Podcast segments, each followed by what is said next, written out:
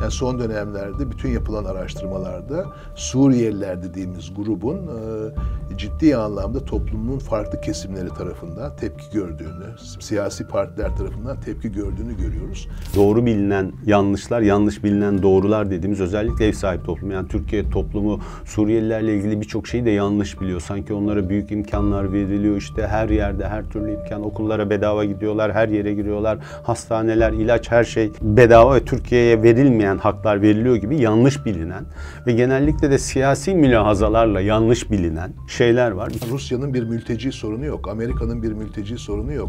İsrail'in, Suudi Arabistan'ın, e, şeyin, Arap Emirlikleri'nin bir mülteci sorunu yok. Yani bir tek Türkiye burada esasında Birleşmiş Milletler'le Ürdün ve Lübnan var ama Türkiye bunu üstleniyor. Bu dünyanın sorunu, insanlığın sorunu. Bu komşu ülkenin sorunu değil. Yani Suriye'nin sınırında Türkiye var. Dolayısıyla bu Türkiye'nin sorunu. Öbür ülkelerde işte üç, birazcık para verirlerse, fon verirlerse o sorundan kurtulmuş olacaklar değil. Bu insanlığın sorunu. Sınırda kimin olduğunun önemi yok. Böylece de meseleye yaklaşımda, sorunun çözümüne yaklaşımda insanlık sorunu olarak bütün ülkelerin yük ve sorumluluk olma, almaları lazım. Özellikle de demin saydığımız, spesifik olarak saydığımız ülkelerin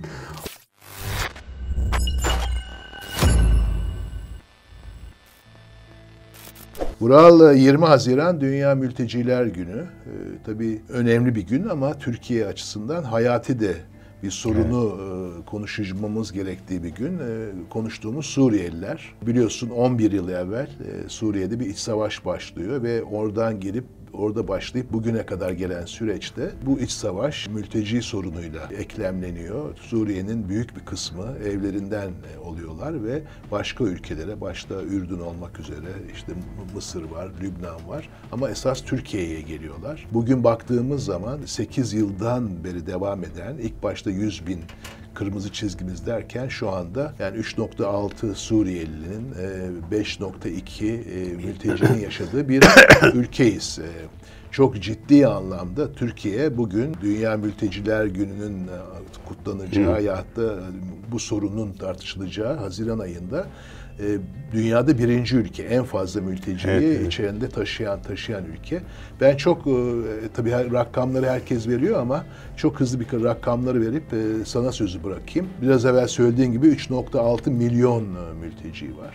Tabii 8 yılda doğmuş, şu an sayıları 500 bine gelmiş çocuk var. Evet. İşsizlikle ilgili çok ciddi sorunlar var. Eğitimle ilgili çok ciddi sorunlar var. Çünkü bu süreç içinde bu çocukların eğitimi var, gelenlerin iş bul gelenlerin iş bulması var ve son dönemlere baktığımız zaman da Türkiye'de ilk başta Türkiye bunu misafirperverlik içinde götürürken yani son dönemlerde bütün yapılan araştırmalarda Suriyeliler dediğimiz grubun ciddi anlamda toplumun farklı kesimleri tarafından tepki gördüğünü, siyasi partiler tarafından tepki gördüğünü görüyoruz.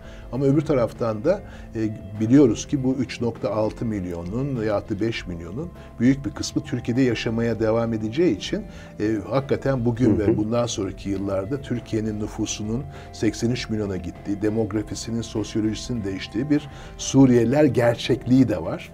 Bunu konuşalım dedik.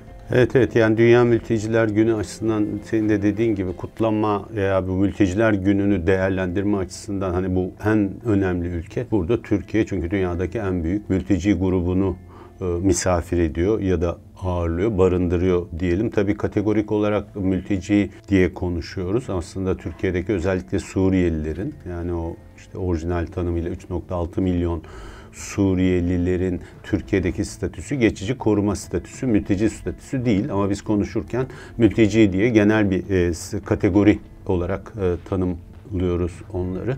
Bir şunun altını çizmek e, kritik gibi gözüküyor. Bugün mesela Türkiye açısından 10 yıl öncesine dönelim mi? Yani bu ilişki, bütün bu Suriye iç savaşı başlamadan önceki dönelim mi desek herhalde hepimiz evet tabii e, dönelim derler. Çünkü Türkiye'nin e, de Suriye'de yaşayan insanların da bu 10 yıl e, menfaatine, faydasına olmadığı Türkiye açısından sınır e, zaten bir sürü sorun yaratıyor. İşin uzun bir hikayesi var ama 10 yıl önce Türkiye-Suriye ilişkileri iyi bir ilişkilerdi. Hatay, Kuzey Suriye dahil bir bölgesel ticaret merkeziydi. İnsanlar, akrabalar yan yana geliyorlardı. Ee, Suriye'de kendi iç toprak bütünlüğüne hakim bir devletti.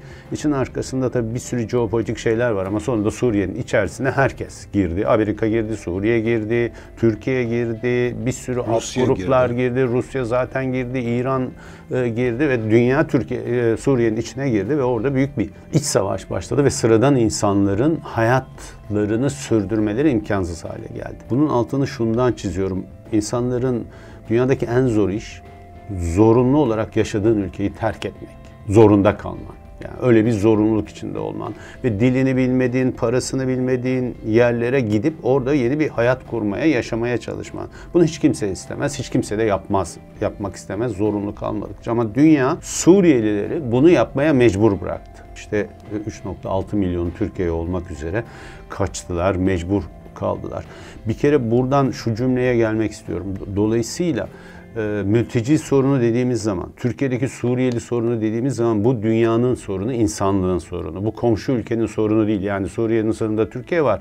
Dolayısıyla bu Türkiye'nin sorunu. Öbür ülkelerde işte üç, birazcık para verirlerse, fon verirlerse o sorundan kurtulmuş olacaklar değil. Bu insanlığın sorunu. Sınırda kimin olduğunun önemi yok. Böylece de meseleye yaklaşımda, sorunun çözümüne yaklaşımda insanlık sorunu olarak bütün ülkelerin yük ve sorumluluk olma, almaları lazım. Özellikle de demin saydığımız, spesifik olarak saydığımız ülkelerin ama e, herkesin e, sorumluluk alması lazım ve burada Türkiye şu iki şeyi de karıştırmamak lazım. Orada siyasi görüşleriniz olabilir. E, işte Suriye Savaşı'nda Türkiye'deki iktidarın yanlış yaptığını düşünebilirsiniz ki ben de öyle düşünenlerden biriyim. Ama bunlar ayrı konular. İnsanlık sorunu dediğimiz burada sonuçta Türkiye'de 3.6 milyon insan var. Onların hayatlarına devam etmesi ise ayrı bir konu. Bu insanlık sorunu. Bunu siyasi heveslerle, siyasi ideallerle, siyasi programlarla asla karıştırmamak gerekiyor. Ve Türkiye bu noktada büyük bir e, insanlık sorunu üstlenmiş durumda. Ve birçok başarıya da imza attı. Ve bu büyük bir aslında bütçede demek e, ve maliyet demek. Yani sadece 800 bin çocuğu okullaştırdı Türkiye ve bunları bir, bir yıllık bir kerelik değil ki. Yani çocuğu alıyorsunuz, ben neredeyse okul öncesinden alıyorsunuz ve üniversiteye kadar onu eğitmek gibi büyük bir yeni mali yük e, ve çok daha başka bir yükle, psikolojik bir yükle karşılaşıyor toplum. Çünkü işte dilini bilmedi, başka insanlar geliyor. Aa bizim işimize ortak mı olacaklar falan senin dediğin o tansiyon da başlıyor. Bu da büyük bir yük. Türkiye bütün bunları üstlendi ve büyük bir bu anlamda performans e, gösterdi ve dolayısıyla da şu anda Türkiye'ye çok daha yani insanlığın da buradaki finansal sorun başta olmak üzere çok daha büyük destek vermesi de e, zorunlu diye düşünüyorum. Tabii bu Suriye İç Savaşı 2011 yılında başlıyor. Orada senin söylediğin gibi zorunlu olarak yerlerini, yaşamlarını idame ettirmek için terk etmek zorunda kalan ki ona zorunlu göç deniyor. E, yerden edilme deniyor. E, bu insanlar esasında Türkiye'ye geliyorlar. İlk başta 2011'den 2014-15'e kadar hani açık e, sınır politikaları falan şöyle bir rakamlarla gidiyor. Fakat 2014-15'te itibaren rakamlar çok yükseliyor. Ve şu, bu, bugün gelen 3.6 milyona geliyor. E, burada şunu da söylemek lazım. Bu Suriye'de bu, bu sorunu yaratan, Suriye'de kavga eden ülkelere baktığımız zaman Rusya'nın bir mülteci sorunu yok. Amerika'nın bir mülteci sorunu yok. İsrail'in, Suudi Arabistan'ın, e, şeyin, Arap Emirlikleri'nin bir mülteci sorunu yok. Yani bir tek Türkiye burada esasında Birleşmiş Milletler'le Ürdün ve Lübnan var ama Türkiye bunu üstleniyor ve buradan Avrupa'ya gidileceği için Avrupa Birliği bu anlamda ve Almanya önemli oluyor. Fakat 2014-15'ten sonra bu sorunun artık sadece insanlık olarak değil yönetilmesi gerekiyor. Yönetildiğin zaman da esasında Türkiye burada çok önemli ve Avrupa Birliği ile ilişkileri önemli. Orada esasında yönetim mekanizmasında e, ülkeler nasıl birlikte çalışacaklar, fonlar, projeler yani bunun yönetim sorunu olmaya başlaması bir yönetim sorusunu da getiriyor. Suriyeliler konusunda nasıl bir yönetim olmalı? Hı hı. E, orada sen ne düşünüyorsun? Yani burada aşağı yukarı demin de konuştuğumuz gibi şimdi belki sayıları 4 milyona yakın Suriyeliler ve işte toplam 25 milyon aşan bir mülteci nüfusu var. Suriyeliler açısından temel mesele aslında birinci mesele onların bu ülkeye yerleşmeleriydi ve Türkiye çok e, önemli bir şekilde şehirlere dağıttı ve Türkiye toplumun içine aldı onları. Bu da önemli bir aşama. Yani kamplarda tutmadı. Türkiye toplumun içine aldı ve bağrına bastı bu anlamda. Kamplar bu çok, çok önemli. düşük. Çok çok şu anda 50-60 bin kişi sadece kamplarda kalıyor. Yani toplumun içerisine aldı. Tabii ki ortada sosyal uyumla ilgili büyük sorunlar var. Çünkü hem Suriyeliler açısından düşünürsen yeni bir ülke, ev sahibi topluluk açısından bakarsan yeni insanlar değil. Zaten ülkede ekonomik kriz var, istihdam sorunu var, işte esnaflar falan üstüne pandemi bindi ve iyice zorlaştırdı. Dolayısıyla büyük bir sosyal uyum sorunu çıktı. Buna rağmen Türkiye toplumu Suriyeliler de aslında son derece pozitif davranmaya başladılar. Büyük gerginlikler taşımasına rağmen e, mesele. Tabii buradaki artık şu gerçekçiliği düşünmek lazım. Böyle bir entegrasyonu, uyumu sağlayabilmek. Bu 3.6 milyonla 4 milyon arasında diyeceğimiz insanı Türkiye toplumunun bir parçası haline getirebilmek veya kendi hayatlarını kurabilmeleri büyük maliyet, büyük çabalar isteyen işler. Burada tabii birçok fon da giriyor Türkiye'ye. Ee, Birçok ülkeden, değişik vakıflardan, derneklerden, ülkelerin kalkınma ajanslarından fonlar geliyor. Bunların da önemli noktalarından biri. Hani ben de işin işim gereği bunlarla yakından ilgileniyorum. Çok dikkat etmemiz gereken konuları hızla söyleyeyim burada fonlarda. Çünkü tırnak içinde politika yapmanın da bir anlamı yok. Bir, bu fonların Türkiye'ye mümkün olduğu kadar tam olarak girmesini sağlamak lazım. Elbette yabancı kuruluşların, ajansların filan kendi overheadleri filan var. Ama o overheadlere yani Türkiye dışında bu fonların harcanan parasının çok az kalması lazım. Türkiye'ye geldiğinde aynı işi sürekli aynı kişilerin yapmaması lazım. Ben hep söylüyorum yani şu anda durmadan ihtiyaç analizleri filan yapılıyor. Herkes ihtiyaç analizi yapıyor. Herkes işte Suriyelilerin durumu nedir? Bu fonlar bünyesinde yapıyorlar. O yani biliyoruz artık. Bunları tekrar tekrar yapmanın ve tekrar tekrar fonları buraya harcamanın da çok bir anlamı yok. Böyle devam eden e, verimlilikle ilgili süreçlerimiz var. Daha iyi e, koordine olması lazım bu fonları kullanan kuruluşların ve sivil toplumların ki kaynaklarımızı da etkin kullanalım. Ama büyük bir kaynak olduğu na ihtiyaç var ve bu sosyal uyum meselesi de Türkiye'nin önünde önemli bir mesele. Bunun en önemli kısmı da Suriyelilerin kendi hayatları üzerinde kendi yaşamlarını inşa edebilir, kendi gelirlerini kazanabilir, kendi toplumsal varlıklarını sürdürülebilir hale gelmesi. Burada esasında e, bizim de e, yani benim çalıştığım İstanbul Politikalar Merkezi Sabancı Üniversitesi olarak yaptığımız çalışmalarda öne çıkan nokta yani hem bu tam da senin çok doğru olarak söylediğin gibi yani ihtiyaç çalışmaları yapmak yerine o projelermek, e, uygulamaya sokmak, e, bu hayat alanında sadece Suriyeliler değil Türkiye'liler yani Türkiler arasında yani o, o bu gelenlerle orada yaşayanlar arasındaki entegrasyon diyoruz yani birlikte yaşamayı sağlayabilecek şekilde yapmak buna yönetim dendiği için bu yönetimin de bence yani bizim çalışmalarımızda ortaya çıkan çok önemli üç ayağı var ve bu üç ayak arasındaki e, ilişki çok önemli. Bunlardan bir tanesi hükümet ve göç idaresi dediğimiz yani devlet. İkincisi yerele geldiğimiz için senin de söylediğin için illere gidiliyor bu. Örneğin Gaziantep, Hatay, Mardin bütün o illeri 10-11 ile yayılıyor. Bu illerde esasında yani belediyelerin, valilerin ve kaymakamların iyi çalışmaları gerekiyor. Ve üçüncüsü çok önemli olarak da sivil toplumun, e, yerel inisiyatiflerin ve ulusal hükümet yani ulusal düzeyde hükümet ve e, bürokrasi, e, yerel devlet diyorum ben ona, kaymakamlıklar, valilikler ve belediyeler ve aynı zamanda sivil toplum arasında ne kadar kapsayıcı, ne kadar işbirliği varsa esasında oralarda başarı oluyor ve orada birlikte yaşama daha olası hale geliyor. Fakat burada bir kopukluk olursa esasında o zaman da e, son dönemlerde gördüğümüz yani bütün o sosyal uy- uyum çalışmalarında Suriyeliler bir tehdit olarak görülüyor, Evet. bir risk olarak görülüyor. O yüzden bu üçgende devlet, yerel devlet ve sivil toplum arası bir işbirliği ve kapsayıcılık çok önemli. Yani birinci söyleyeceğim şey geleceğe bakarsak bu işbirliğine ilave olarak demin de konuştuk. Bir sosyal uyum meselesi var. Yüksek bir tansiyon var.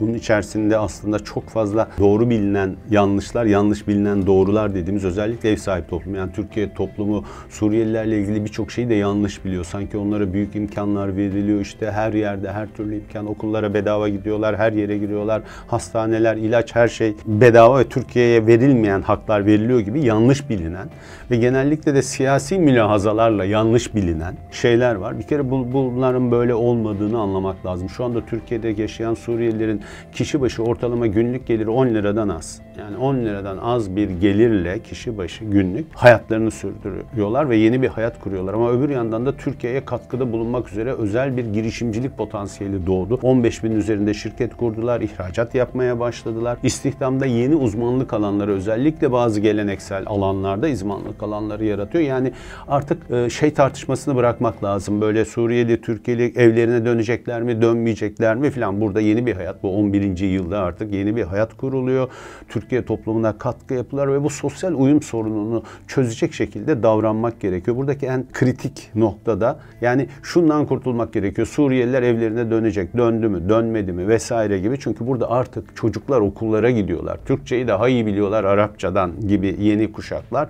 Elbette herkes ister ki Suriye'deki sorun çözülsün, evlerinde mutlu olsunlar, dönsünler falan ama gerçekçi düşünmek özellikle Türkiye'yi yönetenler açısından ve Türkiye'de siyaset yapanlar açısından da gerçekçi düşünüp bu meseleyi Türkiye için nasıl bir zenginlik haline getiririz diye düşünmek ve öyle gitmek gerekiyor. Oradaki temel sorun da hiçbir siyasi mülahaza yapmadan benim söylediğim bu statü meselesi. Hiç kimseyi geçici koruma adlı bir statüde yani vatansızsın, devletsizsin, kimliğin yok, neresi olduğu yani vatan var tabii özür dilerim ama neresi olduğu belli olmayan bir şekilde duruyorsun. Arada bir yerdesin. Bunun bir yıl olabilir, iki yıl olabilir, üç yıl olabilir ama bu on yıl, yirmi yıl olmaz geçici koruma. Şirket kuruyorsun, geçici koruma statüsündesin. Bittiği an şirketin ne olacak belli değil.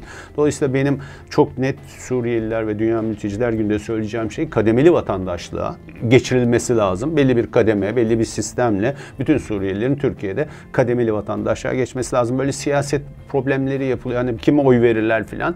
İnsani konuları böyle engellememekte fayda var. İkincisi de zaten oy vermeyi de belli kurallara bağlarsın. Onları da kademeye bağlarsın. Çok mesele değil ama esas mesele bu insanların statüsünün artık e, Türkiye toplumunun bir parçası kabul edip kademeli vatandaşlığında hak etmelerini sağlamalı, sağlamak, e, vermek diye söylüyorum. Bu esasında bence önemli fakat bu konuya belki daha sonradan tekrardan e, geliriz. E, Bununla birlikte ikinci konu olarak kısaca e, değinmek e, gerekiyor bu hafta. Biliyorsun e, Ocak ayı sonunda Amerika'da Biden yönetimi başladı evet. ve Biden ilk turuna çıkıyor, uluslararası turuna çıkıyor ve onda orada Avrupa'yı tercih etti. Biz de Biden'la görüştük mü, görüşmedik evet, mi diye aylardır varken şimdi hocam. en sonunda orada orada o noktaya geleceğim. Yani NATO zirvesine geleceğim. Yani Avrupa'ya gitti ve Brüksel'de işte bir G27 toplantısı var ama esas önemli olan NATO zirvesi var.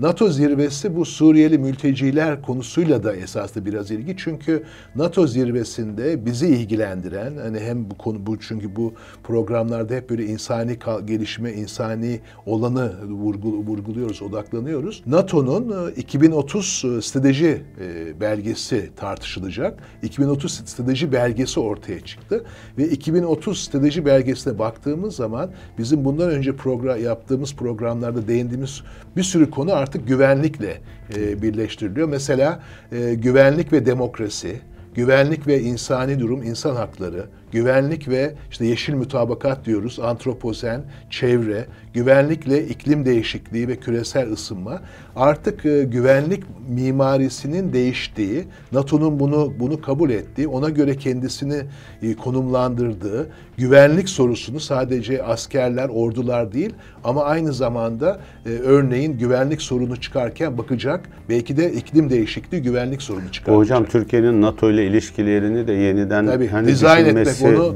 evet o, o anlamda bir tekrardan Türkiye'nin de hani NATO'nun en önemli ordusu ama artık ordu fikri de, savaş fikri de ve güvenlik fikri de değiştiği için ona güvenlik mimarisi deniyor. O güvenlik mimarisinde artık sadece terör, sadece hani iç savaş o gruplar ya da ordular değil, onlar kadar güvenlik sorunlarını yaratan e, faktörlere bakılıyor ve onun başında da demokrasi, insan hakları, çevre ve küresel ısınma geliyor. Dolayısıyla NATO bizim hep konuştuğumuz 2030 ajandasının Birleşmiş Milletler'in bir parçası. Evet. Gibi. İşte orada bugün bitirebiliriz. Çünkü burada hep 2030'da biliyorsun Birleşmiş Milletler'de insani e, gelişme dediğimiz ya da sürdürülebilir kalkınma amaçları dediğimiz o 17 amaç üzerinde durmuştuk. Esasında Birleşmiş Milletler'in 2030 hedefleri NATO'nun da 2030 hedefleri. Bu şu anlama geliyor. Yani biz 2021 yılından sonraki süreçte güvenliği artık sadece terör, güvenliği artık sadece sadece ordu, sadece gruplar, iç savaş olarak değil, e, güvenlik riskleri çıkartan sorunlara bakıp ki orada işte o iki hedef birleşiyor. O alanlarda tekrardan e, güvenliği, demokrasi, ekonomi, çevre ve iklimle birleştirerek düşünmekte. Yani insani güvenliği ön plana çıkarmakta yarar var. Bu şekilde düşünmekte yarar var. En iyi ikinci ordu olmak yeterli olmuyor. O ordunun nasıl düşündüğü, nasıl hareket ettiği ve o ülkenin nasıl hareket ettiği çok önemli oluyor. O yüzden bunu vurgulayıp bitireyim dedim. Bu NATO zirvesinde e, bizi dinleyen arkadaşlarımız için kafalarında olabilecek bir soru. 2030 e, yeni strateji planı NATO'nun ve burada Türkiye'nin de katkıları oldu. Onu da söyleyeyim. Yani önemli katkıları oldu. O yüzden ilginç bir güvenlik anlayışına, güvenlik mimarisine doğru da dünyanın gittiğini görüyoruz ve burada işte e, Birleşmiş Milletler kalkınma hedefleriyle NATO'nun güvenlik hedeflerinin kesiştiği bir e, yapıda artık e, herhalde. Çok enteresan. Aksi, yani NATO'nun zaten ben hani ayrı bir tartışma uzatmak için söylüyorum. NATO'nun yeni durumdaki anlamını da Evet. Biraz daha derinleştiren bir şey. Çünkü hani evet. paktlar bitti. NATO kime karşı? işte evet. Rusya ile Çin'e karşı mı gibi ama yeni durumda anlamını pekiştiriyor. Aslında şeyle de bağlantılı. Gene Türkiye açısından senin geçen programlardan birinde söylediğim benim çok sevdiğim hani bir söz var. Yeni vatanseverlik tanımı evet, tıpkı evet. yeni güvenlik mimarisi dediğin gibi. Evet. Güvenlik sadece terörle mücadele işte onu sustur böyle şeyler değil. Vatanseverlik de oradaki ağacı kesmeme, Marmara'yı kirletmeme. Evet, yeni vatanseverlik evet. tanımı evet. hani güvenlikle sınırlı evet. işte yabancı bir devlete karşı olmakla sınırlı bir tanım değil. Marmara için uğraşıyorsan sen vatanseversin. Evet gibi. Evet, evet. O anlamda tabii Türkiye kendisini bu NATO 2030 strateji planını bu, bu tartıştık ama tam da senin söylediğin gibi kendisini konumlarken vatanseverlik anlayışını da yeniden düşünerekken ki orada işte Z kuşağı üzerine yaptığımız programlarda bu çevreye, iklime, Kaz Dağları'na, Marmara'ya, oraları korumaya çok önem önem verdik. O yüzden gençlik bu anlamda bence Türkiye'nin önemli asetleri yani girdilerinden biri oluyor.